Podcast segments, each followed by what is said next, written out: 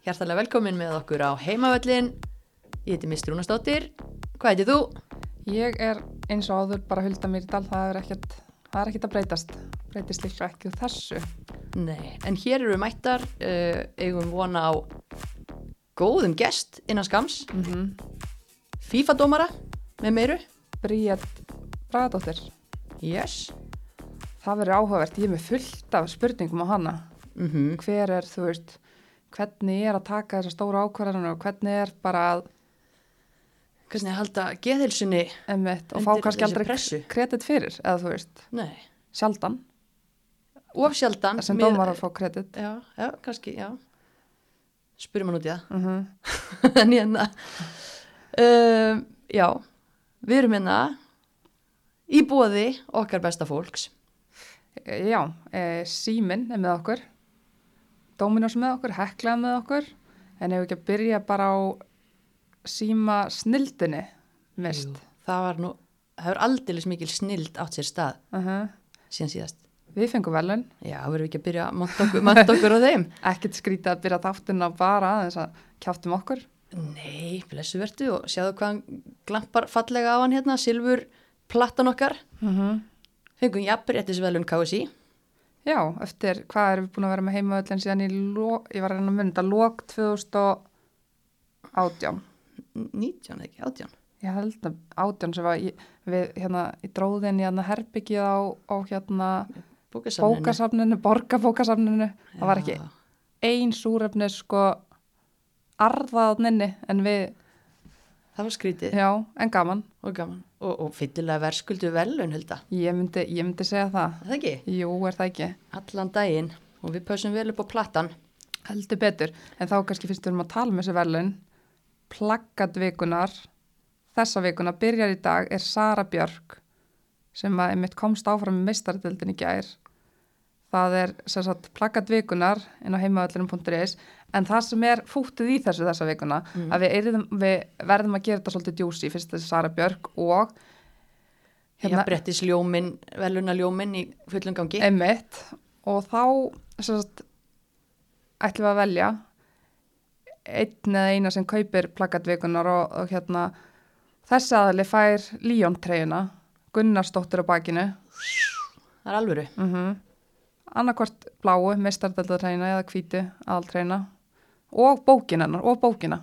Wow, uh -huh. óstöðandi. Já, þannig að bara fylgist með, það getur fylgst með á Instagraminu eða bara, já. Já, söl, sala opnar 12 hótti, uh -huh. ding ding ding. Stundvíslega, en Sara var að keppa í meistardildin gær. Það er hætti ekki að vinna. Nei, veistu, ég held ég að sé sko hvað þær voru að vinna. Þetta var 30. leikurinn án ósugurs í meistardildinni þetta líjónlið og meistaradildin uh það er unnu sérst, komist í áttalúslit í gær. Unnu Bröndby í gær 3-1, 3-1, já, úti. lendur samt undir. Um mitt svolítið svona. smá skjálti en aldrei nokkur spurning, þær vinna þá hvað 5-1 Fimm- samtals? uh og Sara á sínum stað. í áttarlega úrslitum. Allt og- bara eftir bókin held ég já, við erum of góð við hann held ég þannig. En svo eru fleiri, mm. -hmm. gaman að sjá Karolína Lea Viljánsdóttir, hérna, hún var í byrjunuleginu já, fyrir bæjarn.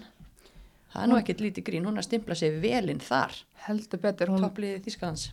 emitt, það eru á toppnum í Þýskalandi fimm stegum undan Wolfsburg Mm þannig að það segir, segir okkur alveg hvað þetta lið er ótrúlega gott Já, og hún er búin að spila tvo leiki og koma inn á bekknum í þeim báðum að standa sig vel. Mhm. og hún var sett í fyrsta skipti í byrjunulegið fyrir þetta Þíska stórveldi. skoraði náttúrulega mark þarna í fyrsta leiknum sem hún, í fyrirleiknum sem er unnu 6-1 flottasta markið.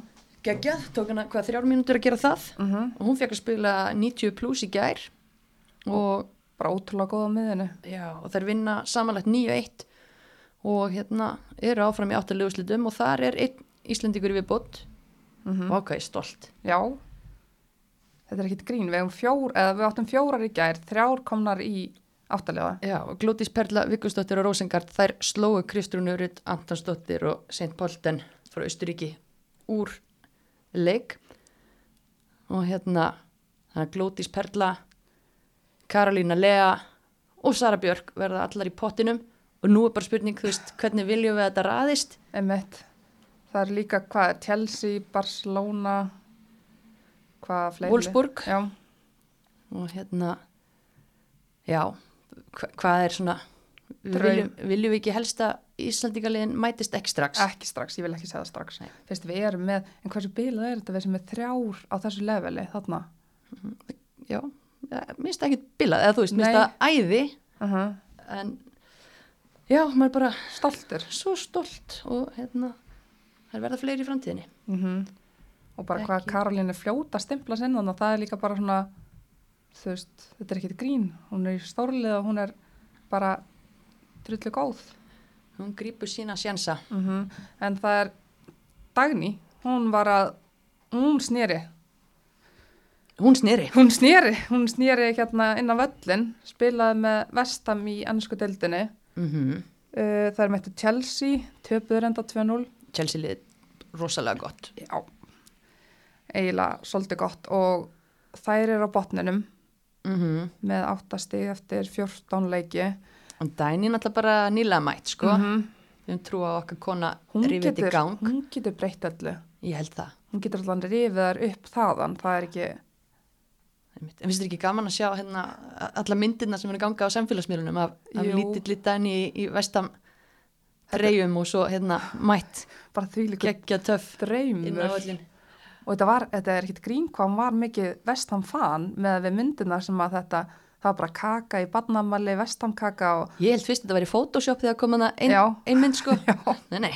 Þetta var einhver sem hjælt með vestam á þessum tíma? Nema dagni. Pappans Óskars, vina míns Já, sveit, það voru tvö.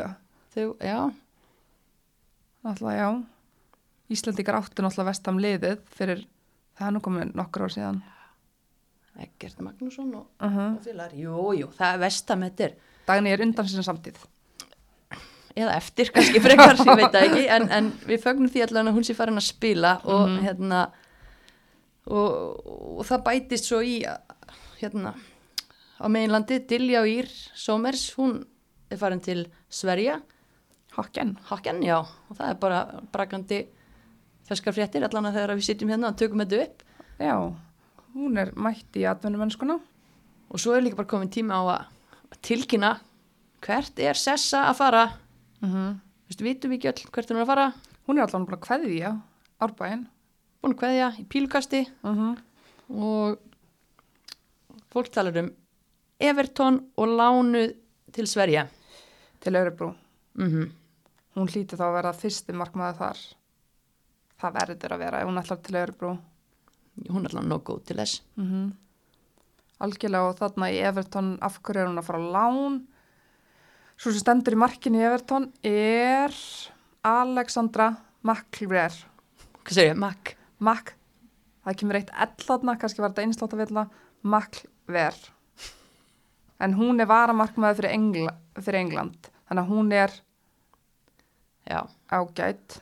ágætt, Sessa er líka ágætt Hún er ansi góð, þannig að það er bara, já, hvar, hvar fær hún að spila? Hún verður að fá að spila. byrjar að spila í Svíþjóð Mm og þú sér það að heimurinn er þegar farin að taka eftir að sokkar donu vinkonur okkar, það er voru að posta mynda á hann í gær sem Mhm. one to watch, einni til að fylgjast með Algjörlega. þannig að það eru augu þar og við sjáum til hvernig, hvernig þetta verður Mm En hérna á Íslandi er hérna lengjubikarinn. mm -hmm. æfingarleikir mjög margt búið að vera í gangi og að gerast og nú hefur maður aðeins eða allan að mátti fyrir síðustu helgi fara á Allan. og það er á meðan er mm, er eitthvað svona sem að hefur komið þér á óvart eða þér hefur fundið spennandi Um, kannski, það er náttúrulega tveir riðlar eins og aðeldin, Valur á toppnum í aðriðli og hefur bara unni alla sinna leikið þar með svolítið breytt lið. Svo B, B-riðlinn, þar er tindastóll, búin að spila þrjáleiki, tapaðum öllum, búin að fá sér 13 mörg, þannig Mhm. að þær er ennþá svolítið að fá á sig þessi mörg, þó sé náttúrulega bara kannski ekki mikið að marka það mars en samt. Nei, nei. Þær þurfa að stækka hópin og, og bæta eins við held ég. Og það er vandalega í vinslu en svona, já, Mm vonandi að það Svo sem, já, það er bara augnablikar á toppnum hann í bjöldinu og það er eins og, það er eigi bara endalega stefnilegum stelpum þar. Það er stelpur eins og að spila fyrir breðablík núna eins og Vigdís Lilja um, og, og svo er bara að koma fleiri þarna í augnablik. Það er eiga bara, know, Margaret Lea fætt 2005 Írana, þetta er bara, Margretlega Gíslidóttir, hún var bæðið Mhm. við geggjuð í síðasta leik já, á móti, móti Grindavík, hún mm hvað skorar tvö held ég, -hmm, mm. þrjú já. síóknandi einn af þessum mörgu ungu efnilegu mhm. það er bara alltaf ný nöfn sem koma þarna. Já, Þannig að- færiband En, en, en, en, en, en hvað er ekki, ég held að Bríð sé komin. það held ég þá er hún mætt til okkar uh, FIFA-dómarinn Bríett Bragadóttir heil og sæl Bríett Hæ, hæ, takk fyrir að fá mig. hvað segja konur? Hefðu bara nokkur res, Já, bara alveg ágætt. Það er mars og snjór og svona, við erum alltaf í þregprófi dómarnir. ég var einmitt að velta fyrir mig hvað eru dómarannir að gera á, á þessu tíma árs? Herðu, við erum bara í undirbúnisleikjunum og svo núna ekki þessa helgi, heldur næstu helgi. Þá eru langflest okkar að fara í þregpróf, klára það fyrir sumarið og síðan erum við bara að klára lengjubikarin og, og svo fljótlega fyrir mjölkubikarin að fara á stað í apríl og Allt að allt gerast. gerast. Hvernig, hvernig er þrekprófið á dómarinn? Hvað, hvað þurfum við að gera þar? Herðu, við byrjum á að hlaupa 6-40 metra spretti Ok. og þú þarfst að vera ákveðnum sekundu fjölda þar Mm -hmm. og síðan þegar þú ert búin að því þá hleypuru 40 ferðir teig í teig og lappar niður endalín á milli. Guð. Það er lí, líka tíma. Já, ok. Já, þetta er bara, já, ég skil. Þeir eru dómar að þeir eru að gera þetta í leik, þannig að Já. það er best að æfa þetta. Já. En, en hvaða dómarar þurfa að geta þetta? Í rauninni allir sem eru landsdómarar þurfa að taka þreikpróf og þeir taka bara próf eftir því hvar þeir eru að dæma. Þannig að FIFA kallanir til dæmis taka ákveði test, FIFA konunar taka ákveði test og mm. hinn er landsdómarinn taka annað test og svo hinn er landsdómar konunar annað test. Hvað, hvað er landsdómarinn? Nú er ég alveg, það munu koma spurningarnar frá mér sem eru kannski, en hvað, Sérst, landsdómari eru allir þeir dómarar sem að KSI hefur skipað sem sínir toppdómarar sem Já, eru ok. sérst þeir sem eru að dæma í efstu deildum landsins. hvað eru þeir margir? Við erum að detti í 60 núna. Akkur segi ekki Vá. hvað eru þeir mörg, auðvitað, það eru, Við erum nokkrar konar líka. emitt, hvað eru þeir margar? Her, við erum fjórar núna. Ok, Það er við, eina Fernan sem fór út að dæma. Við Já. erum alla landsdómarar. þessi ferna. Mm. Fylg hverna, en kannski áður en að við förum í, í fernuna af því að ég held að þetta sé alveg góð spurning og ég held að svona hinn almenni fótbalta áhuga maður þó að við þykjumst vita allt þegar kemur að hérna dómaramálum þá held ég að vera alveg fínt um þetta ef þú myndir útskýra sko þú veist, þú byrjar hvað þarf að gera til að vera landsdómari, þú veist, hvað eru þrepin, já, Sko þetta byrja þannig að það taka flestir byrjenda dómaranámskeiði hjá KSI og þá getur þú fengið að dæma upp í annan flokk held ég alveg örgulega. Síðan þegar þú ert búin að því þá tekur þú hérastómaranámskeið og þá fara að dæma alla mestaraflokksleiki í rauninni. En síðan eru ákveðni leikir sem að KSI skipar í og þeir í rauninni koma bara og horfa á leikmenn og dómara og er að velja dómara sem þeim líst vel á og setja þá síðan upp í landsdómarhópin. og það er valið úr þessum hérastómurum Já. en hérastómari, nú er ég með hérastómarapróf Hilda, ég hef ekki, ekki dæmt leiki í, í meistaralokki uh, hvað hérna hvaða dildarkeppni mætti þeir þá dæma í? Þeir getur verið í annari deild kvenna og fjóri deild kalla. Uh, Mögulega einhver leikir í þriðu deild kalla líka og fyrstu kvenna öruglega. En landsdómarinnir eru þá að taka svona hæstulefin. Þeir eru að taka Pepsi kvenna og kalla og, og fyrstu deild kalla og hluta af annari deild kalla. Ok, ok, en eru þið konunar, eru þið eitthvað að dæma hjá kallanum? Já, við gerum það alveg líka. Ok, Það er, ég held að ég sé að dæma svona 30% kallar, 70% konur mm og það er mismjönd að milli hvernig stelpunir eru að gera þetta. Já. Rúna til dæmis tók næstu í heilt sumar engungu í Pepsi kalla já, og Eidís er meira verið í Pepsi kvenna og Bergrós er alltaf bara nýinn þannig að hún bara þess eftir að finna sig. já og þær eru með sérhæfingu sem hérna, aðstóðdómarar og, og þú ert svona aðdómari alltaf, ertu líka eitthvað á línunni? Nei, ég hef tekið svona eitt leik á áralínunni bara til þess að svona rifja upp þetta sjónarhorn það er aðeins öðruvísi en, en Rúna og Eidís hafa verið bara engungu nánast aðstofdómarar og svo er Bergrós bara að ákveða hvað hann vil gera. Mm. Þannig að maður þarf að velja alveg svo börnið þurfa að ákveða hvort þau ætla að vera í handbólta eða fótbólta þegar þau eru 16 ára þá þarf dómarinn að velja ef hann ætlar að vera framhanskarandi. Ekki endilega alveg strax. Vistu, við mælum eiginlega með að flestir byrja að prófa bæði. Eila allir byrja sem aðstofardómarar, bara aðeins til þess að læra af dómarinn hvernig á að starfa og hvað á að gera. Mm -hmm. En síðan svona kannski prófa sumir að dæma og sjá svo bara til hvort þeim langi að gera það líka. Og svo er alveg einhverju sem að gera bæði. Bara Mm. vilja bara vera bæði og það er allt í góðu. Já. En það er alveg svona, ef þú kannski ætlar að vera framúrskandi í þessu, þá myndi ég alveg mæla með að endar maður velja þér annað hvort svona til að gera meiri hlutan af. Já, Hvort myndið þú velja, Hilda? Ég sko, ég, ég ekki línuver, að, línuver aðstofadómari, ég, ég væri aldrei mætt sko þegar í, í þessu eftirstu línu, ég sæti alltaf eftir líka þannig að það er aldrei rángstæði leikja mér til dæmis, þannig að bríet er þið sko í yfirvinna á flautunni að reyna að stjórna mér líka. Þannig að ég veit það ekki, ég hugsa ég myndi alltaf vilja, ef maður er með í leiknum meira, Mér finnst það, mér finnst maður meira inn á vellinum og taka meiri ákvarðanir og þátt í leiknum sem Já. dómari, mér finnst það miklu skemmtilegra. Mhm. En ég byrjaði alveg sem aðstofdómari og var það miklu litið örgulega í 2-3 ár mhm mm áður en ég svissaði svona endanum alveg yfir. -hmm. en þá er ég bara já, ég, þú veist, þú ert náttúrulega miklum samskipti við leikmenn Já, ertu allan leikin að tala við leikmennina eða þú veist, vi- hvernig dómar ert þú vilt þú bara já, hvernig vilt þú hafa samskiptin sko ég held að ég sé mjög þögul dómari með margar sér þekki sem tala alveg mjög mikið við leikmenn. Þá Já. er ég ekkert mikið að skipta mér af. Þetta er engin Gunnarjarl. Nei, alveg langt frá því. En ég, ég er allan svona upplifin mínu þannig að ég sé ekkert mikið að tala og tjá mig. Mhm. En mér finnst það alveg gaman þegar það ávið á réttu mómentum Já, að, já. að hérna, ræða eins við fólk. Mm. mér finnst það svo áhugavert en þú veist, já, ég, það er bara popp upp í, Já, mér finnst þú bara Bara, kannski bara byrja, hvernig, af hverju ferðu út í þetta?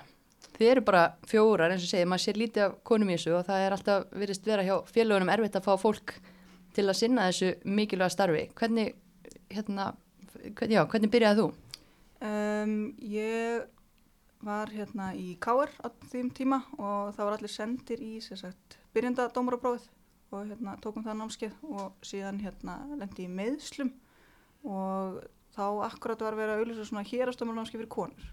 Og ég er frá Hodnafjörði og Guðrún Feima sem var hérna fyrir nokkur árum mikið að dæma er líka frá Hodnafjörði þannig ég ákvað svona að kíkja á það námskeið. Hún og Rúna voru með námskeið þannig að mér langaði bara svona að koma og sjá hvað það væri. Og síðan í rauninni fór ég aftur austur heim um sumarið hvað ertu gummul þarna, sorry. Ég held ég sé átján eða nítján, Já. átján er okay. Þetta er 2008 sem ég tek hérna byrjandómarprófi og 2011 hérastómara mm -hmm. Og hérna, já, og síðan fyrir ég sérst aftur austur og þá er sérst Valdimar Einarsson held ég hann, hann er á Hortnafjörði og er svona framkvæmdastjóri eða eitthvað þar og plata mér svolítið mikið til að dæma þá er ég ekkert að ná að spila því eftir meðslinn þannig að hann ákveður að reyna að ná mig þarna inn og síðan bara, já, var ég komin í það Ok. Hvað, hérna, hvað stöðu áður en þú meitist? ég var bakverður Spangverður, ok. já. Sérðu eitthvað af leikmannum bríði í dómarnum bríði? Já, ég svona hef, fengi að heyra allar sérstaklega því ég var nýbyrjuð að þá leiði ég svolítið mikið. ég held ég að vera spila þannig líka. Já, ok, ok. En þú ferð þarna í, í hérna, þinn heimabæ á höfn og já, verð all-in þarna þetta sumar og var þá ekkit aftur snúið eða? Nei, í raunin ekki. Ég hérna, veist, síðan bara kannski einu, tveimur árum setna þegar ég var orðin betri í líkamannum og hefði getað að fara aftur að, að hérna, spila fótbolta. Þá var ég bara komin það langt, ég var farin að dæma í Pepsi Kvenna og fannst það bara ótrúlega skemmtilegt. Þannig að ég er raunin ákvað þá að allavega gefa þessu sjans og sjá svona hvert þetta leti. Ég get alltaf að fara aftur í fótbolta setna ef ég myndi skipta um skoðan. En ég var aldrei að fara að vera neitt, veist, ég hef aldrei farið í Pepsi Kvenna sem, sem fótboltamaður. Ég hef aldrei farið í landsliði. En ég var komin miklu lengra og miklu styttur tíma þarna. já, Já, um og það verðast vera tækifæri í þessu, ég meina hvað, hvað tækifæri hefur góður dómari í, í svona þessum, kvenna heimi knaspinnunar? bara ótrúlega góða möguleika af því að við erum ennþá ekki svo rosalega margar í heiminum. Það vantar ennþá alveg stelpur að dæma. Þannig að ef einhver er góður þá er hann alveg tekin svolítið hratt upp og reynda að koma hann eins langt áfram að hægt er. Og bara góður dómari húst þeir bara á lokakefni HM og EM og olimpíuleikana á alla leið. Þannig að það hlýtur að vera vinna. geggjað. ég held að sé alveg geggja ég, hérna, ég var einu svona bóðið að það var svona EM ráðstefna fyrir dómara. Og þá fekk ég að fara fyrir Íslands hönd og þá fóru við og horfðum á sem sagt, það var Svíþjóð Finnland á EM, voru margi dómara saman frá öllum Norrlöndunum og fengum að hitta dómara sem voru dæma leikin og ræða við þær hvernig þær voru búin að setja upp leikin og fórum í leikreiningu og alls konar að gera. Það var sjúklega skemmtilegt. Já, Ég var alveg til í að vera einhver tíma þessi dómari þannig að dæma þetta. Hvað þarf góðu dómar að hafa? Um, gott líkalegt ástand, mjög Mhm. mikilvægt, þú þarfst að geta verið mættur. Mhm. Um, þú þarfst að hafa gott svona andlegt aðgerri, geta verið rólegur, ákveðin, tekið á öllu og bara karakter. Já. Þetta er náttúrulega að þú þarfst að taka stórar ákvarðanir á engum tíma. Já, Erst þú með eitthvað betri sjón eða þú veist, nú sé ég þetta ekki endursýningu. Hvernig, þú veist, hvernig er að taka svona ákvarðanir? það getur verið alveg ótrúlega erfitt en oftast þá gerist þetta bara sjálfkrafa þegar maður er búin að vera svona lengi í þessu, maður þarf svona valla að pæla lengur, þetta er næstu í orðið bara svona ósjálfrátt þegar maður er að taka ákvarðinu. Þetta er Mm. bara svona checklist í hugunum, bara gerist þetta og þetta og þetta og þetta, þá er þetta bara ákvarðin. Já, þetta er bara svona átó eiginlega. Já, stundum og ef maður bara í svona góðu flæði með leiknum og það þarf maður ekki einu svona að hugsa ég er að taka ákvörðum, maður bara gera það. En þegar þú tekur ákvarðin og þú heyrir svo bara leikmun öskra á þig, efast ekkert. Stundum, það fyrir eftir í hvernig er öskra. Og hver kannski?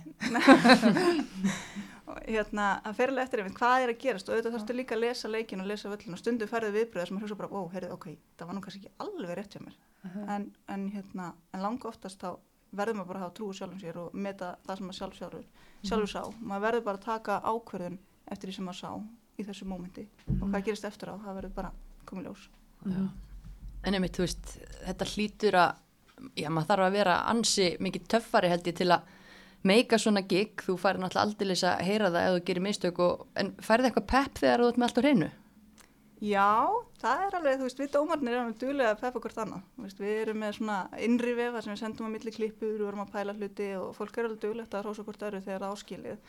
Og sama að við erum með dómarnemnd, þannig að ef allt gengur vel, þá er alveg gaman að fá símtal og heyra bara, heyrðu, ég sé að búin að æfa vel, búin að dæma vel, bara þetta er ekki ekki Og svo við líka eftir svona hvert leik, þá er eftirlýstómar á leiknum, þannig að kemur alltaf engun. Og það mm -hmm. fá bara flottar engunir alveg leik eftir leik eftir leik, þú veist, það er alveg góð tilfinning. Mm En- En það, já, Nei, bara en frá, veist, þjálfurum leikmunum, þú veist, sem að, hérna, heyrist örgulega mikið tuð frá, færðu eitthvað hrós frá þeim, veist, er þetta, Sumir koma alveg til leik og, þú veist, og þakka mann alveg innilega fyrir og, og hérna, bara finnst maður að hafa staðið sér vel og það er auðvitað alltaf gaman að, að vita það en það er kannski ekki alveg markmið með þessu við, veist, við viljum ekki vera þarna til þess að þóknast þjálfurnum þannig að ég vil freka bara standa mig vel og fá góða einhvern og dóma frá þeim sem að vita um hvað máli snýst heldur en að vera að fá okkur frá þjálfurum og leikmunum mm er ekki meitt meira, þú veist, rós fyrir þig ef að það tekur einhvern eftir þér. Jú, það er yfirleitt bara besta rósi ef ég er ósynilega á vellinum og Aha. þá yfirleitt hefur bara gengið nokkuð vel. Einmitt, það er sjaldan sem maður sér í fréttablaðinu Bríett átti stórleik. Sást Já, svo, þú veist, þannig að þetta er svona og mm, maður veltir í fyrir sér einmitt hvað svona, nú hef ég dæmt í fymtaflokki og ég var bókstala jörðuð. Þú veist, þetta er ekkit skemmtilegt. Eða þú veist, jú, þetta er skemmtilegt en það, einhvern veginn, þetta er svo vannmetið fattar hvað ég meina, það er bara rosa, þú veist þegar það gengur illa þá er allir einhvern veginn á þér en þegar það gengur vel þá Aldrei hetja, Já, en oft já. skurkurinn, er tekur þetta ekkit á andlega? Að gera það alveg, sérstaklega fyrst, þú veist, þegar maður er nýbyrjur sem Já. þú segir, dæmaðan í fymtaflokk, kannski fyrsti leikurinn þinn, þú veist, þá er þetta bara svolítið persónlegt og svolítið erfitt, en síðan þegar þú er komin aðeins lengra, þú veist, eftir fimm leiki, þá hættir þetta að vera þetta svona jafn persónlegt, þú veist, þetta, það er er engum illa við mig persónulega, Mhm, þeim er kannski illa við þá ákvörðin sem ég tók á þessum tímapunkti, já, en það er enginn í bæ sem er bara eitthvað hata bríði, ég vona enginn sé eða tímanu sín í það. Nei, en þetta var, samt, þetta var gaman, en það var bara svo ótrúlegt hvaða tilfinningum maður náði að snúa þarna í fólkinu á hliðalínni, ég ég gerði þetta bara einu sinni þarna, ég, veist, var líka bara, þetta er kannski fólk eftir líka bara um þetta aðeins að halda sig á mottunni, Já. því að mér finnst allavega, veist, ég hef dæmt og, og reyna að taka mína leiki á reikup og eitthvað bara svona til að, einhvern veginn, taka þátt, leikmenn yfirleitt alltaf til fyrirmyndar, þjálfara líka, en það er kannski helst fóreldrarnir sem að minnst vita um, um fótboltan sem að, hérna, Það má alltaf ekki gleyma að þetta er leikur ástriðu og fólk þykir alveg vendum allt sem er í gangi en þú getur alveg hvart þitt lið án þess að vera að skipta mm. eitthvað að dómorinn þú veist, hann er bara þarna að taka sína ákvarðinu eftir sinni bestu getu, alveg saman hvað þú ert að fara að gera hlýðlun þú ert Mhm. ekki að fara að breyta emmett, þú veist, boltin fór í hendina á einni stelpum, var með hendunar alveg upp þessi, hún var held ég, þú veist, hún var svona einn meter, hún var svo lítil, hún var nýfætt og þau vildu bara jarðana, skilur, hvað hún var að gera, þá maður skilur ekki alveg, að ég veit ekki, þessa foreldra. og oft þeir sem er að gaggrinni mitt vita minnst, þú veist, þeir Mhm. þekka kannski reglunum eins og þannig að höndin alveg að allir sem að eru svolítið meiri í fótboltanum vita ákveð, við erum aldrei að fara að taka víta á þetta, séðast ekki fymta flokki, Mhm. en, þú veist, fóreldrar á hlýðalinu mjög ástriðfullir, það bara, þú veist, þeir þurfa bara að passa sig aðeins. Mm -hmm. Já. Að því að mér finnst sko hafa verið svo mikla framfæri sko svona fóreldra hópum varandi bara kvartningu á Já, liði og já, svona, já. þú veist Já. ekki verið að hvetja einstaklingin heldur allt liðið og, já. og svona búið að tekið einhver bóks en svo að stundum hérna ránkvöld í augunum á, á þessum hérna yngri flokkamótum sem maður hefur tekið einn einn leik á, að því Mhm. maður bara held einhvern veginn, ah, við erum komin aðeins lengra Mhm. Ég held nú að það sé alltaf verið að bæta þetta og ég veit Já. alveg um þjálfara sem að bara virkilega leggja upp úr þessu og ef fóreldrar er ekki að standa sig, þú ert þeim bara að vísa í burtu. Einmitt. En það er náttúrulega svolítið, þú veist, höf- eftir höfðinu, dansa liminir, Mhm. þannig að ef að þjálfarinn tekur þetta upp og ef félagi tekur þetta upp, Mhm. þá er þetta ekkit vandamál, ef þetta er bara alið upp strax frá upphæði, þá Mhm. eru ekki bara. Einmitt. Það um dómar en það snýst um sem er að spila. En finnur þú mun á því til dæmis að því að þetta eru svo góði púntar sem þetta nefna bara það kannski á ekki við í meistaraflokki en þegar þú hefur verið að dæma í yngri flokkum og svona, þú veist, finnur þú svona ólíkan kultúr og bara hvernig hérna virðing er borið fyrir dómarastörfum, þú veist Já, maður getur alveg fundið á milli liða þegar maður er að fara, þú veist, hvernig, hvernig stemmingin er í liðinu og hvernig menningin er hjá þeim og hvernig framkoman er, þú veist, á sumum er bara allt alveg upp á tip-top 100 og þetta er bara þvílík fagmennska og frábær lið. Hjá öðrum er þetta eitthvað sem kannski er ekki áherslaðatriði. mm. Mm Einmitt. En svona, þú veist, nú hefur tekið fullt af stórum ákvörðunum og þú náttúrulega ert aðaldómari. Hvernig vinnur þú með hérna aðstofadómarum? Er þið bara kjaft allan leikinn eða? Já, við erum bara að segja framtíð. hérna, mér finnst það langt best, það er mjög mismöndi hvernig dómar að gera það. Mhm. Sumi dómar að tala mjög mikið sjálfur í kerfið, en mér finnst best að láta mata mig á upplýsingum. Þannig Mhm. ég vil fá frá þeim þeirra sjónu því ég veit alveg hvað ég sé og síðan þarf ég að taka ákvörðun. Þannig ég vil heyra ef að þeir eru að sjá eitthvað annað eða þau, Mm hvað þeir eru að sjá. Þannig ég geti tekið bara upplýsta og góða ákvörðun út frá öllum sjónurhóttunum. Mhm. En þegar ég flauta, þá sé ég búin að fá að heyra allt sem ég þarf að vita til þess að geta tekið þessa ákvörðun. -hmm. En það er nú ekkit svo brjálæðslega landsíðan þið fóruð að vera með þessa gæja í eirunum. Nei. Hvernig, Og þetta er svo life changing að vera með þetta í hva, eyrunum. hvað er að tala um mörg tímabil? Það er nú alveg komin okkur, um, ég var að segja fimm. Það er svo mikið, æja. Já. Hva, hvað gerður áður? Já, já, jú, það er svona þrjú, fjögur, fimm, jú. Já. jú. Hvað gerður áður? Það var auksamatið mikið nú. Bara, Jésús. þú veist, Þú varst náttúrulega miklu meira eitt, þú veist, þessi Já. tilfinning, núna því fyrir þetta völlin, ég fæ aldrei svona tilfinningu bara, wow, ég er bara ein hérna Já. í miðunni. Mhm. En í, í gamla daga þegar maður var að fara inn á völlin og aðstofdómarum voru þarna, þú veist, 20-30 metrum í burtu, stundum gat maður alveg upplifa sér svona, já, ég er bara ein hérna og þarf að sjá um þetta. En núna er þetta, þú veist, að hafa einhvern með sér allan tíman, það er frábært tilfinning. Mm Já.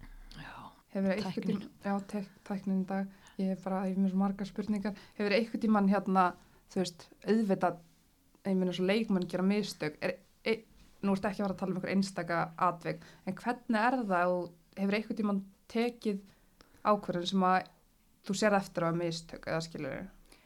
bara oft því Já, miður sko. það, það- það fylgir náttúrulega, við erum að reyna að gera okkar besta en við gerum mistök og það getur verið alveg ótrúlega erfitt, þú veist, svona dýr, stór mistök sem skipta máli Mm -hmm.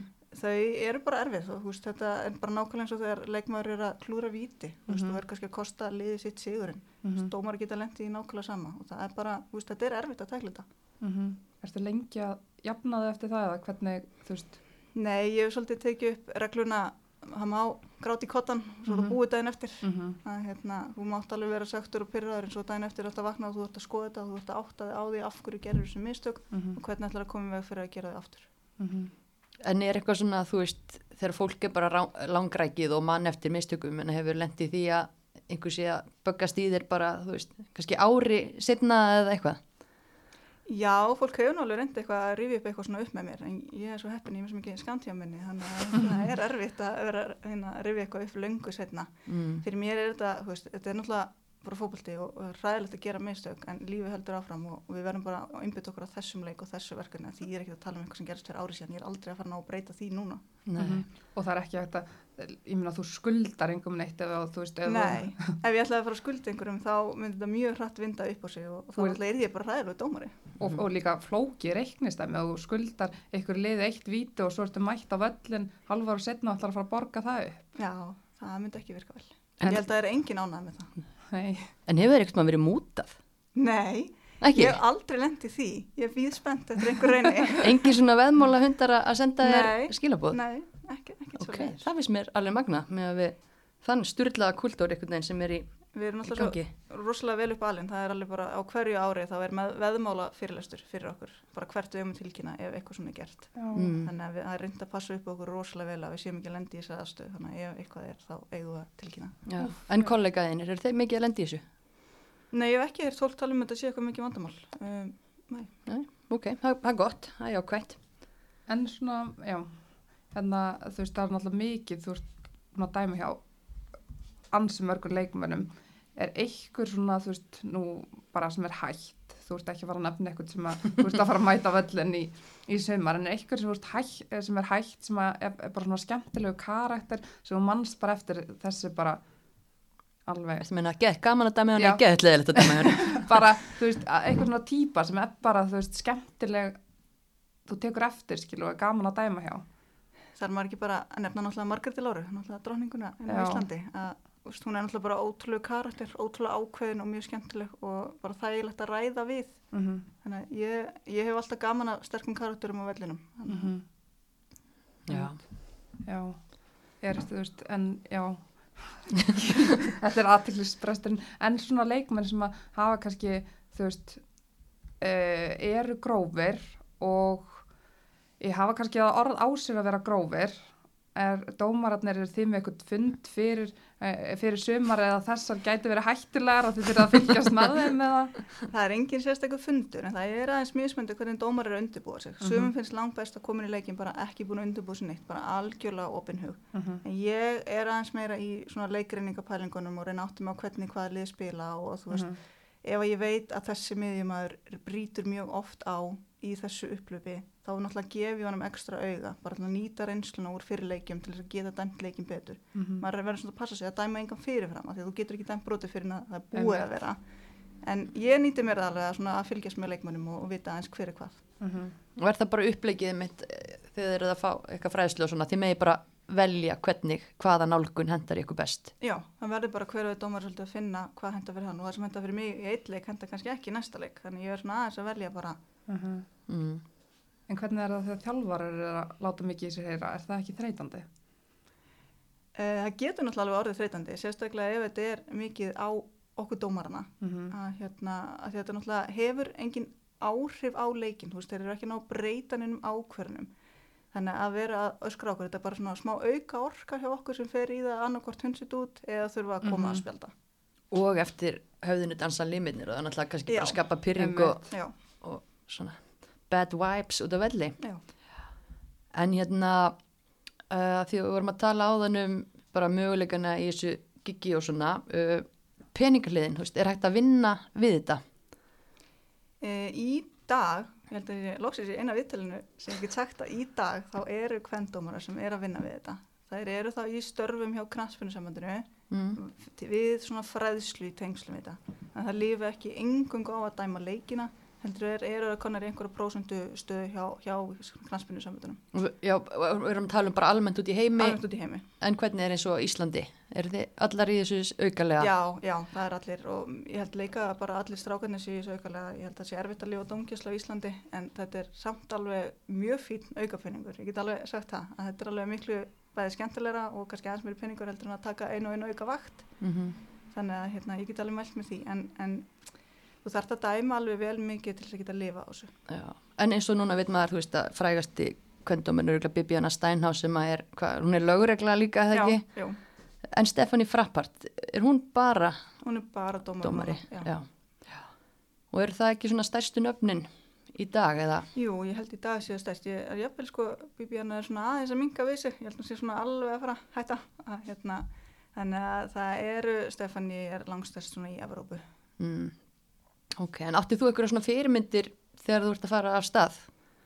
Mm, kannski ekki alveg þegar ég fannst það. Ég er náttúrulega, kannski al, svona akkurat þegar ég var að byrja, mitt, þegar ég var að fara á hérastómarnámskeið, þá var mig náttúrulega svolítið fyrirmyndi mína, því að hún var svo sem ég þekkti í þessu. Ég Mhm. þekkti enga aðra stelpu sem var eitthvað að dæma. Þannig ég horfði svolítið aðeins upp til hennar hvernig hún var að gera hlutina og síðan um, var ég fjórðu dómari á landsleik sem að Bíbjana Steinus var dæma á og þetta var svona í fyrsta skipti sem ég sá dómara sem ég var bara, vá, bara geggja bara þvíli klaup út um allt með allt á hreinu, flotta bendingar bara ótrúlega flottur dómari. Já, og kannski segjum aðeins hlustendum frá því, þú veist, hver hann er, hún náttúrulega er kannski eins og margar konur verða þekktar þegar að þær taka skref inn í karlaheimin, þú veist, bæði Stefani Frappart og hún hafa dæmt í karladildum, efstu dildum karla og, og þess vegna verða þær þekknar, þú veist, eins grillað og leðilegt og það er að, en þú veist, já, Bibiana þetta er, já, þýsk og hún er búin að vera í þessu endalaust og Já. hún er, er hún fyrst, nei, Vendi, hún, hana, Nei, hún er ekki England- fyrst, hún er ekki fyrst. En, en hún er samt búin að dæma á öllum stórmátunum, EM, HM, olimpíuleikunum, ég get nánast að hún hafi gert það oft, Algjör góðsögn. bara algjör góðsum En Og þú færð að vera fjörði dómar hérna með henni og spjalla við hana væntalega og svona? Já, það er þannig að þær koma sérst deginu fyrir leik þannig að við náðum í raun að taka æfingu sérst daginn fyrir leik og síðan erum við bara saman í kvöldmatt og morgumatt og hátdeismatt og tökum síðan leikin saman og kvöldmatt aftur. Ná, það var nægu tími til að spyrja hana, alls konar spurningum. Hvernig var hún að undirbúa sig, nú er hún svo besta bara í heimi, hvernig var hún að undirbúa sig fyrir leikin? Tókst getur þið tekið eitthvað frá því? Um, já, um, ég fekk náttúrulega að sitja í rauninni svona fundin fyrir leikin Mhm. þannig að hún segir mér nákvæmlega hvað hún vil fá mér út úr, út úr mér í hennar leik og það var alveg áhugavert en síðan tekur hún náttúrulega aðalfundin við sína aðstofdómara á Mhm. sínum móðmáli þannig að þá næ ekki að fylgja því En hvað hún fá frá þér? Já, hvað gerir fjörði dómar? Já, Hvað, hvers, hvað? eða, þú veist, fyrir utan að halda á skiltinu og... Já, já, uh, mikilvægst er náttúrulega að dæma inn á völlin að við erum svona auka augu að við erum að taka öll svona moment sem að dómarinn í rauninni sér ekki þannig að allt svona sem er ekki á bolta þannig ég er aldrei að horfa á boltan þegar ég er fjörði dómari Mm. þannig ég er alltaf að pikka upp eitthvað alls konar annað Ah, mætti þú ekki segja bara Víti, Steinhaus, Sko, ég, í, nei, jú, jú, auðvitað mætti ég myndi hún það. heyri í þér? Hún myndi heyri í mér. Ok, ég ok. mætti, mætti gera það. Ok. Ef það væri þannig að hún hefði ekki séð það og ég væri 100% sem það væri vítið, Já. þá myndi ég sjálfsögðu láta Ok, að ok. fjörði dómari væri betur staðsettur en aðaldómarinn, En- þá þarf aðaldómarinn að fara að leggja sig. Já, en það gerist mjög sjaldan að fjörðdómarinn þurfa að fara að sæma víti. Sérstaklega ekki í landsleik. Nei, Jesus. Já, já. En hérna, já, þú hefur verið fjörði dómari hjá Bíbjana Steinhaus. Er það svona, eða þú veist, hvað er stærsta giggið sem að þú hefur tekið að þínum andi? Það sem ég er fjörðdómari eða þegar ég Er bara- dómari. Almennt, dómaraferillin. Hérna, ég held svona, stærsta mómentin náttúrulega nýlegasta er þessi alansleikur sem er náttúrulega svo ríkalega stort móment að ná. Það er þegar að, að, að þið kvartettin, Já, förum, förum saman út til hérna, Wales og dæmum þar Wales færi er í undankeppni fyrir EM Kvenna. Og það eru kannski þannig að við neymdroppum hinnum dömunum sem er með þér, hverjar, getur kannski bara sagt okkur hvernig teimið er, er samsett? Já, við erum sérst fjóra saman og það er þá ég og síðan er uh, Rúna Kristín og svo er Eidís og Bergrós. Og eru Rúna Kristín og Eitist á aðstóðdómarar og Bergrós fjórði eða er þetta? Já. Já, Þetta er sérst teimi eins og það er í, í dag. og Bergrós þó var að dómari fyrir þig ef að, ef að þú myndir tókna í uppbytunni eða? Já, þannig að ef að ég, ef að ég meiðist þá mun Bergrós koma inn og dæma Já. og ef að Rúna eða Eidís meiðist þá mun Bergrós koma í þeirra stað þannig að hún þarf að geta gert bæði. Mm, ok. Þetta Og- er. Og hvernig kemur til að þið fáið þetta stóra verkefni? Mm, það er kannski svona langur aðdraðandaði, þetta er svona, ég var að segja, eðlileg þróun á mínum fótboltaferli. Að ég hérna, verð þarna FIFA-dómari, er ekki 2018? Það er rétt munað. November 2017 held ég að... Já, já, það tekur gildi sérst í janúar 2018, virkar Ok. þannig, fyrsta janúar 2018. Og, hérna, og þá byrjar það yfirleitt þannig að, að maður fer sér sagt út og fer á svona nýlega ráðstöfnu, þar sem tekið alls konar þrekkpróf og reglupróf og ýmislegt.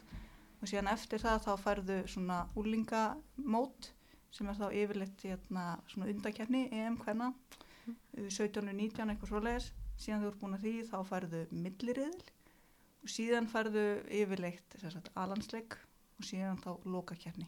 Þannig að ef allt Mm. gengur vel þá er þetta svona eðlileg þróun á ferli. Mhm. Þannig að þetta var í rauninni bara, ég var búin að vera það, að segja lengi inn á listanum, að það var svona eðlileg þróun að ég myndi fara að fá þennan landsleik til þess að þar getur svona skoðað mig úti, hvernig þeim Mhm. reytist að mig, hvort það vildu fá mig áfram í fleiri verkefni eða hvort að ég myndi kannski vera bara áfram á stíðun að vera í úlingakefnum.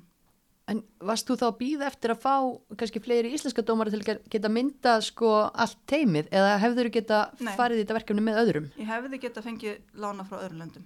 Það er ekki jafn vel séð það er betra að vera með teimi að því vinniði betur saman Mhm. en það er hægt þannig í neyð þá hefði það verið hægt ok.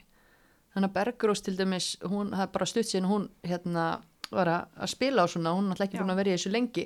Við vorum eiginlega bara ótrúlega hefna hún skildi akkurat koma inn á þessum tímapunkti að því að fram á þessu þá leiti ekki út þegar við getum sendt ferðinu út, við hefðum bara getað að fara í tríóðu saman Mm. þannig að þegar hún kom inn þá var það ótrúlega frábært að akkurat þá skildi alansleikunum koma inn Mhm. en svo veit ég náttúrulega ekkert pólitíkin á bakvið, ég veit ekkert hversu duglega dómaranefndin hefur verið að íta mér áfram og, og hérna, reyna að fá fyrir mig alansleika hvernig það hefur verið, en Mm. svona á þessum tímapunkti þá var ég alveg að býða eftir þessu verkefni Mhm. En hvaða leiku var þetta og hvernig gekk og... Herðu, þetta var sem sagt þannig velfæriðar og það er alveg getumunur á liðanum eins og kannski flestir vita og hérna, þetta var bara mjög skemmtuleg leikur. Alveg færiðar stóðu miklu betur í þeim heldur en að nokkur átti vonu og hérna, okkur gekk ótrúlega vel, fengum bara mjög flott meðmæli og dóma og hérna, vorum mjög annað með þetta. Já, Til mikið með þetta. Takk. já, til hamingju, þið eru brautriðjendur. Mhm. Hvað, hérna, en hvað gerir svo? Nú náttúrulega, þú veist, ég veit ekki, COVID hefur áhrif allstaðar, alltaf, Já, svo maður sé í klísjónum, en, en hvað eru þið að gera núna varðandi þessi alþjóðlegu verkefni? Er þið bara að býða og sjá? já, núna erum við svolítið að býða. Í rauninni, það var mjög lítill möguleiki að ég myndi fá einhver verkefni núna í vor. Ég tók all þreikbrot til þess að ég kæmi til greina, en það var nokkuð augljóst nefnir hversu fá verkefni voru, er að, að sagt, eldri dómarar og reyndari myndu fá þau verkefni. Þannig að núna er í rauninni bara að býða eftir haustinu. Þannig að ég vonandi fæ ég alansleik í undakefni háum og mögulega líka þá eitthvað í undakefnum U17 og U19, það var nú verið að tilkynna það allt í dag. Já, nákvæmlega. En þú myndir þá, hvernig, þú myndir ekki mega dæma hjá Íslandi? Nei, ekki reyðlega á Íslandi. Nei. En þú myndir alltaf þá taka þær þrjár með þér eða er þið orðnar bara svona ein heild núna eða? Ég myndi vilja taka þær með mér ef það var í bóði. Ég Já. myndi alltaf þykja þær fram yfir einhvern annan. Færð þú að ráða? Já, Ok. uh, í samræmi við KSI. Það sagt kemur tilinu til KSI um að ég fái verkefni Mhm. og þeir í rauninni mega skipa með mér í samráði við mig hvaða aðstóðdómara ég vil taka með. Við misturum líka, við getum komið með eitthvað. Ég, já, Já. ég er hér að stómari, mikla reynslu. ég tæki fjóraðadómara. Ef þið takir nokkra leiki sumar skal ég alvarlega íhuga þetta. Ég verð ekki á línunni, það Nei. er alveg. En eh, sko, jú, þú verður alveg línuna því ég ætla að skora á bríet að við þrjár myndum teimi á Reykjöp í sumar. Já, það var enda Það var geggjað. Og þá verður bríet að taka flutuna og við tökum flöggin. Elsku liði sem fær mig. Það bæði liðin að fá það allir. það var enda rétt. Við verðum bara mjög heppin og svo bara fáum við, verðum með svona í eirónum og Já. hulda niður með hendina, Já, upp með hendur. Er það ekki bara Jú. dýl? Mér sko plan Já, til þetta. Geggjað, þá fær ég að, hvað sagði þetta væri, uh, 40 sprettir sinnum 60. 6, Nei, 6 þetta er 40 40 sekundna. 40 teig í teig sprettir.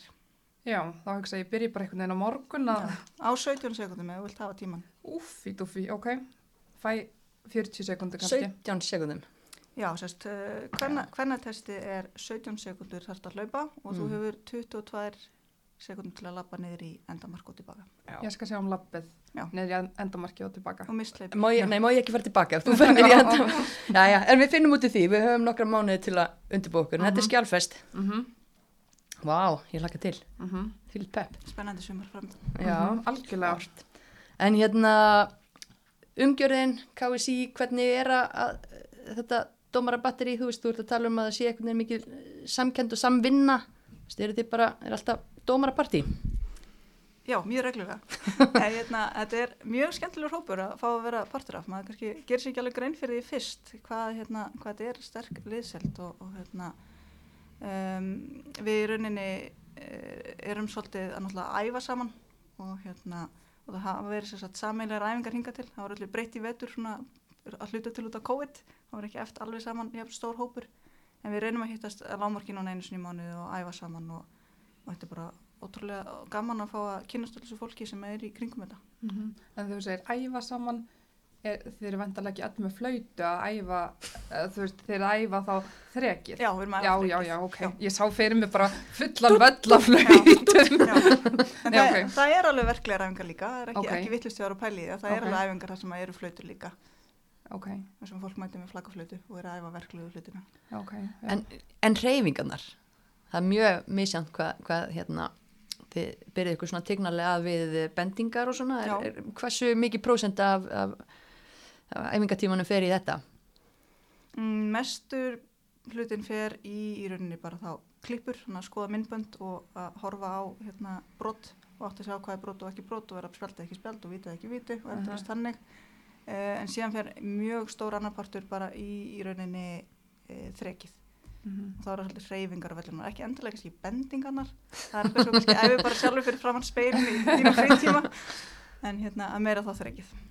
Já, og þú segir að horfa á brot, hvað er svona erfiðasta staðan að dæmi? Er það bara þegar eitthvað leikmaður er fyrir? Að já, þegar einhverju fyrir eða, eða þú ert og langt í burtu. Já, Það er mjög erfitt að sjá hvað er gangi. já. Ef að þú hérna ert að skoða vídeo daginn eftir leik og sér að þú gerir mistök, hversu mikið meira pyrrandi er það ef þú sér að mistökin voru að því að eitthvað leikmaður var að dífa sér eða eitthvað svo leiðis? Mjög mikið meira fyrir. Nei, ég, það er bara alltaf pyrrandi að gera mistök. Kannski tengist ekkit leikmönnum, ekkit Mm. endilega hvað þeir eru að gera. En ef ykkur er að tengist- plata þig til þess að þú gerir mistök, verður ekki pínu svona uh, Það er bara leiðilegt, bara leiðilegt fyrir leikin. En, Mm. en það er ekkit persónulega leiðilegt fyrir mig. Er bara leiðilegt að hafa ekki átt að segja á því. Já. Já, er eitthvað svona triks til þess að lesa, hvað maður að segja, lesa leikaraskap? Já, að horfa hvar kröndurinn er og hvernig líka við. Það er augljóst, eh, segjum við augljóst. það, það í mörgum tilfellum að getur áttaði á því hvernig líkaminn er að bregðast við með við hvern boltin er. Hvort þetta sé eðlið viðbröð ekki. Mm. Mm. En þetta, er- þetta er alveg erfitt að átta sig á þessu og bara svo við sjáum í veist, st- stærstu leikjanum að fólk er að klikka á þessu. Þau eru heppin úti að vera með var til þess að aðstofa sig við þetta. þetta, Mhm. þetta er, Einmitt. En það hefur einmitt, þú veist, eh, náttúrulega bara aukin umfjöllun að vera að sína miklu fleiri leiki og svona, Hva, hvað þýðir það fyrir ykkur dómarana? bara frábært held ég, ég held að öll aukin umfyllum sé bara æðisleg fyrir alla sem tengjast fótboltanum. Þannig að við erum bara ána með það og viljum endilega fá meiri umfyllun og, fólk sé að tala um fótboltan það er bara frábært fyrir alla. Já. Og var, segir þú, viltu fá var? það væri ótrúlega gaman að fá einhvern tímann að prófa dæma með var, sjá hvernig það, hva, hvernig það er Það er nú, já, ég veit ekki, hvað finnst þér um var, Hulda? Ég vil ekki sjá þetta. þetta. Ég veit ekki, þetta tefur alltaf mikið leikinn og já, ég veit ekki, ég er ekki. Ótrúlega hvað er þetta klúðra, jafnvel með Já, var, sko. Mhm. En, ég er svona vona þegar að því kemur og ég fái leik með var þá verður þetta svo fullkomið að þetta verður muni ganga allt mjög vel mm, En tekur það ekki bara sjarman af þessu? Að þú getur bara farið í burtu og bara sest og horta á þetta? Eða sest, það er enginn að setjast eða þú veist. Að ákveðinu leitið, þú veist, þú vilt, vilt náttúrulega partur að því að vera dómari, það er þetta að reyna að taka réttar ákvarðinu með það, sem þú sérð. Mhm. En þú vilt líka ákvarðinu séu réttar, sérstaklega í stórun leikið þar sem hlutinu skipta máli. Mm -hmm. Þá er ótrúlega gott að fá backupið, fá aðstöðuna. Mhm. Alveg eins og þú færið aðstofur aðstöðum hvað þeir sjá. Það er gott að hafa videodóman líka til aðstöðu hvað sjá þeir. Mhm. Það eru vilja hafa var eitthvað tíma síðasta sumar. Ég hef bara til ég hafa öllum leikunum mínum. Það er það. Gott svar. já, uh, ég spurði aðan alltaf eftirminnilegasta mómentið þessi aðlandsleikur í Wales, mannst þetta er einhverju svona grilluðu, stektu sem hefur komið upp í tengslum við dómarastarfið? Einhverju grilliðu. Já, það þú veist bara einhverju svona óveinulegu kannski. Um, ég man eftir skemmtilegu mómentið þar sem að maður var fastur í Vestmannum, hafi getur lendið því tengstuðu fólkvöldan. Líklegast. þar sem maður fekk að gista í eins og hérna í, í einhverju fjöldahjálpa miðstöð og hérna engin sæng og engin kotti og ekki neitt. Bara- hótel? Nei, nei, það var allt uppbókað í, þannig að við sáum bara þarna, ég fór í alla dómarabúningana mína til að vera svolítið heitt. þannig að það var mjög sérstöku upplifun. Þeir fengur raukt. Þessi var ágætt. ve ve veðrið. Veðrið. Það er nú- ekki drefið ykkur að hlæja þessum. Nei. Nei. Já, en engin kötturinn á völlin. Nei, ég hef ekki lendin einu svoleiði skemmtilegu. Nei. Nei. Engin allsber hlaupið Nei. svona yfir? Ég hef einu sinni orðið vitnaði, en ég hef ekki lendið í Hvað myndir þú gera þá? stoppa leikin. Já, já. Ok, ok. Það var nú einhvern veginn, einhvern tíma leitn út fyrir að kannski myndi einhver var hlaupinu. Það var einhver svona steggur þarna eitthvað að leika sér, en hann, hann var nú mjög kurtis og kom ekki að trublaði leikin. Því lík stekkjun. Afsakið, afsakið hérna. Æ, já, það er gaman að þessu. Um, en já, þú veist, Hulda, ertu með eitthvað meira? Ég held ég sé búin að fara yfir, minnst það bara svo áhugavert og emmitt bara, ég veit ekki hvað ég á að segja. Maður veit svo lítið sko, en Já. hvað hérna, kannski bara, uh, þú veist, þeir sem hafa áhuga, hvar hérna, hvert snýr fólk sér? Og hvað, þú veist, hvað það maður að vera gamallega gömul og. Um, fyrsta skrifurinn að heyra í kási og fara á byrjandanámskeið og viðmiðnur aldurinn er 15 ára en ef einhver brennur á áhuga 13-14 ára, bara endilega heyrið þeim. Þeir eru alveg til að koma mennum að, aðeins fyrr.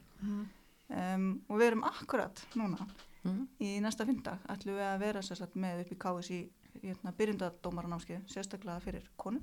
Ó, Þannig að endilega senda post magnús.ksi.is skrá sig, ég ætla að mæta og reyna að kenna reglunar Ok. Ok. þannig að endilega allir sem hafa áhuga að koma og kynna sér þetta. Fimmtudaginn átjándi. já, Ok, verður þetta au- auglýst líka á, á hérna, já þetta kemur inn á ksi.is Ok. er auðvitað bara að koma inn þegar þáttu kemur út? Og þetta er námskeið að þú þú getur ekki fallið eða getur þú staðist eða fallið eða... þetta er námskeið og ég held að ég sé segja rétt að þá sé próf tekið viku setna upp úr lögunum Já. Ok, og hvað kostar að fara á svona námskeið? það er ókipis Það er ókipis. öll svona dómaramöntun á vegum KSI er ókipis held ég, ég sé segja rétt frá Ok. Ekki. Það er vel gert, Hulda. Skell okkur, Ég held að við sittum hann á fremsta bekk. uppbytun fyrir Reykjavík. Mm -hmm. Ég mæli með alveg fyrir alla, jafnvel, þó þið ætlið ekki að dæma, það er bara mjög mikilvægt fyrir leikmenn að þekka reglunar. Þannig að Mhm. endilega að skella sér og aldrei að vita sér setna meir hvort þið ákveða að fara að dæma. Já. Ég held að, en hvað hérna, Bríða, þú ert ekki bara dómari, Hva, hver ertu þegar þú ert ekki að, dæma? Við þekkjum þið bara með, með flutuna og, Já, og, og spjöldin. ég er sjúkurþjálfur, Nei, ég er að vinna nýr í afli sjúkurþjálfun í Borgatúni Ok, og er að vinna þar að stórum hluta með börn. Já, Ég er svona sem aðeins sér eftir mig sem barnasjúkurþjálfari og ég elska fókbalta, ég elska að hreyfa mig og ég bý með kærastanum mínum og kísunum minni, hvað heitir kísaðinn? hún heitir Lucy. Lucy. Þú veist kattakona mest. Já. Algjör kattakona. Algjör kattakona, ok, já, það er bara, þú veist, fínt að vita aðeins svona hver manniskan Já. er á, á bakvið mm bak flutuna og, Já. og hérna, og hvað færðu þér á Dominos pítsu? Ég myndi fá mér kjötvislu, Mm klála. En þið dómarar, já, kjötvæslu. Hvað væri á henni? Ef ég skinka, hakk, pepperoni. Er Pass. ekki? Ég held að það sé kjötvisla. Já, það hljómar ágætlega. Ég verð allan til í það, skinka, hakk, Og brauðstangir Já, eftir þrekprófið. helst ostagott. Helst, Já, Já, það er best. maður getur alveg left sér það eftir svona, eftir þessar... Eftir 40 ferðir? Já. ég held að heldur betur. Heldur betur, já. En dómin og spurningin, Já, á ég að koma með hana? er það ekki? Jú. Sleppur ekki svo sem að Mhm. við sitjum jú hér í, í bóði okkar fólks á Dominos. Hérna, dómin og spurningin mín, hún hérna er svo, hvað þarf maður að gera til að fara frá gulu spjaldi yfir í rautt spjald? Ef þú kemur á námskeið hjá mér á fimmtudaginn, þá þyrftir ekki einu svona að spurja það. en ég skal ansvara. Já. Hérna, um, munurinn getur náttúrulega verið hvar á vellinum broti er frá mér, Ok, hvort það er guld eða rautt spjald. Þannig að ef þú til dæmis ert uh, að fara að ræna upplöðu margtækifæri uh fyrir utan teig, þá færðu rautt spjald. já, Ef þú ert að ræna upplöðu margtækifæri inn í teig, uh með því að reyna ekki að leika knettinum, þá færðu rautt spjald. ok, og síðan snýst þetta um svona ákefð í broti. Þannig að ef þú til dæmis tekur einhverja tæklingu þá getur hún verið gul en síðan getur þú sett miklu meiri kraft í hana og þá verður hún rauð. Fyrir ofan nýja er svona, til dæmis ég, já, ok, já, það er rautt, þannig að þetta var, ég geði rétt fyrir þetta. takk. Þau og Dominos, þau kom með þessa og þau hérna, það er hérna rétt samkvæmt þeim, þannig að brétt út með allt upp á tíu. Gekja. Og bara takk kærlega fyrir að koma til okkar, gangið er ótrúlega vel í hérna, komandi verkefnum. Vonandi færiðu landsleiki í haust og hérna, þanga til, lökuðu til að fylgjast með þér og, og félögum í já, öllum þessum fótbalta veislum sem framöndan eru hérlendis. -hmm. Sjáumst bara á, hvað, var ekki reykjöp? Jú, Jú, sjáumst nú Reykjavík vonandi eitthvað fyrir. Já, já. já, já. þetta var áhugavert Mjög svo.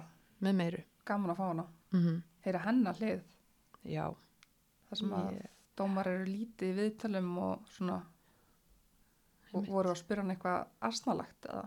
Potjett en það er allt í lagi, við vitum svo lítið um bara einhvern veginn, mm -hmm. bæði starfið og, og bara einhvern veginn prósess. En hérna uh, áður en að við drýjum okkur heim að klára skattaskísluna hulda mm -hmm. þá klikkum við ekki á einum okkar vinsælasta dagskrárlið í bóði okkar uppaháls bíláðumbós Heklu, kraftmiklir bílar og kraftmiklar konur. heldur betur. Og hekla við gætum ekki mælt betur með heklu og núna er þið getið farið inn á hekla bílaðumbóð Facebook og þar er hérna verið að tala um, þau eru sérst með vistvæna bíla frá öllum merkjum og það er nú eitthvað sem að má alveg hugsa um núna 2021 mm það er framtíðin og eins og sé frá öllum merkjum mm -hmm. gott, gott úrval. Laugavögur 170 ef þeir eru ég droppa við, mm skoða. Líklega betra að skoða bara. Mæta á staðinu að skoða. Ég held það, það má núna. Maður Mhm. á að nýta það með að má með góða grímu og, -hmm. og tvekja myndri reglu og allt þetta en heklan er satt við veljum hekluna í Mhm. hverju þætti eitthvað sem er að skara fram úr utanvallar Já. og þessi hefur fengið oft. Jamt og þétt mm -hmm. og oft. Tilnefningu. Þannig að þetta er Ingibjörg Auður Guðmundsdóttir. Breiðabliks. Drottning. Mm -hmm. hún er formaður meistarflokksráðs Kvenna, og heldur bara öllu gangandi þar konan á bakvið tjöldin klálega er að, er að Mhm. náttúrulega, það er ótrúlega mikilvægt að, við séum með konur í hérna þessum stjórnarstörfum Mhm. og bara hrikalega flott típa og bara líka, þú veist, þegar maður mætir í kóbóin það er alltaf allt upp á tíu þarna já, umgjörð aðstæða bara allt, þannig að Mhm. þú veist þetta er fólki sem að kannski er ekkit að fá allt kreditið en það er á bakvið tjöldin. Og lætur þetta rúla í Ísla, ríkjandi Íslandsmeistarar þannig að já, hún á nú eitthvað tátt í því líka. Algjörlega og er hérna, og er mikil blika fjölskyldu og búin að stu, var, æfa í yngri flokkunum og, og búin að vera á vellinum bara síðan hún ég veit ekki, ekki kannski síðan hún fættist en, -hmm. en svona alltaf því. Og það er svo gaman að sjá um þetta þegar fólk tekur svo bara önnur hlutverkinn í félagunum sínum ótrúlega mikilvægt að fá svona flotta fyrirmynd til þess að vera þarna og þú veist, þetta er risagigg formaður meistarflokks ráðs kvenna og er náttúrulega í stjórn knaspundelda líka. Og bara ómæld ólaunuð vinna líka sem er verið að sinna. Ótrúlega dýrmænt þannig að hún er hekla þáttarins að þessu sinni. Húhú! heldur betur en hérna, já, skattaskíslan Kallar þetta gott? Er það ekki Úf, já, En þetta var ótrúlega gaman í kvöld og bara fylgistu með okkur á samfélagsmiðlum og bara endilega senda okkur líka tillögur eða vilja heyra eitthvað rætt mm í þætt, þættinu. Men við ætlum svo í næstu viku, það kom tími á spá. Já. Hvað er marga vikur í mót? þeim fer fækandi nefnilega. Emmett. Og þetta er svona alltaf skýrast hvernig, Já, við erum allan búin að fá tækifæri til að sjá liðin spila. Mhm. Það er svona eiginlega grunnforsenda fyrir því að geta hendi í spá. spá. Mm Þannig að, já, við erum ekki að lofa upp í erminu okkur hérna, held að sé bara Þetta er bara staðfest. staðfist næsta vika efstu deilt spá. Mm All right, Sjáumst þá. takk í dag.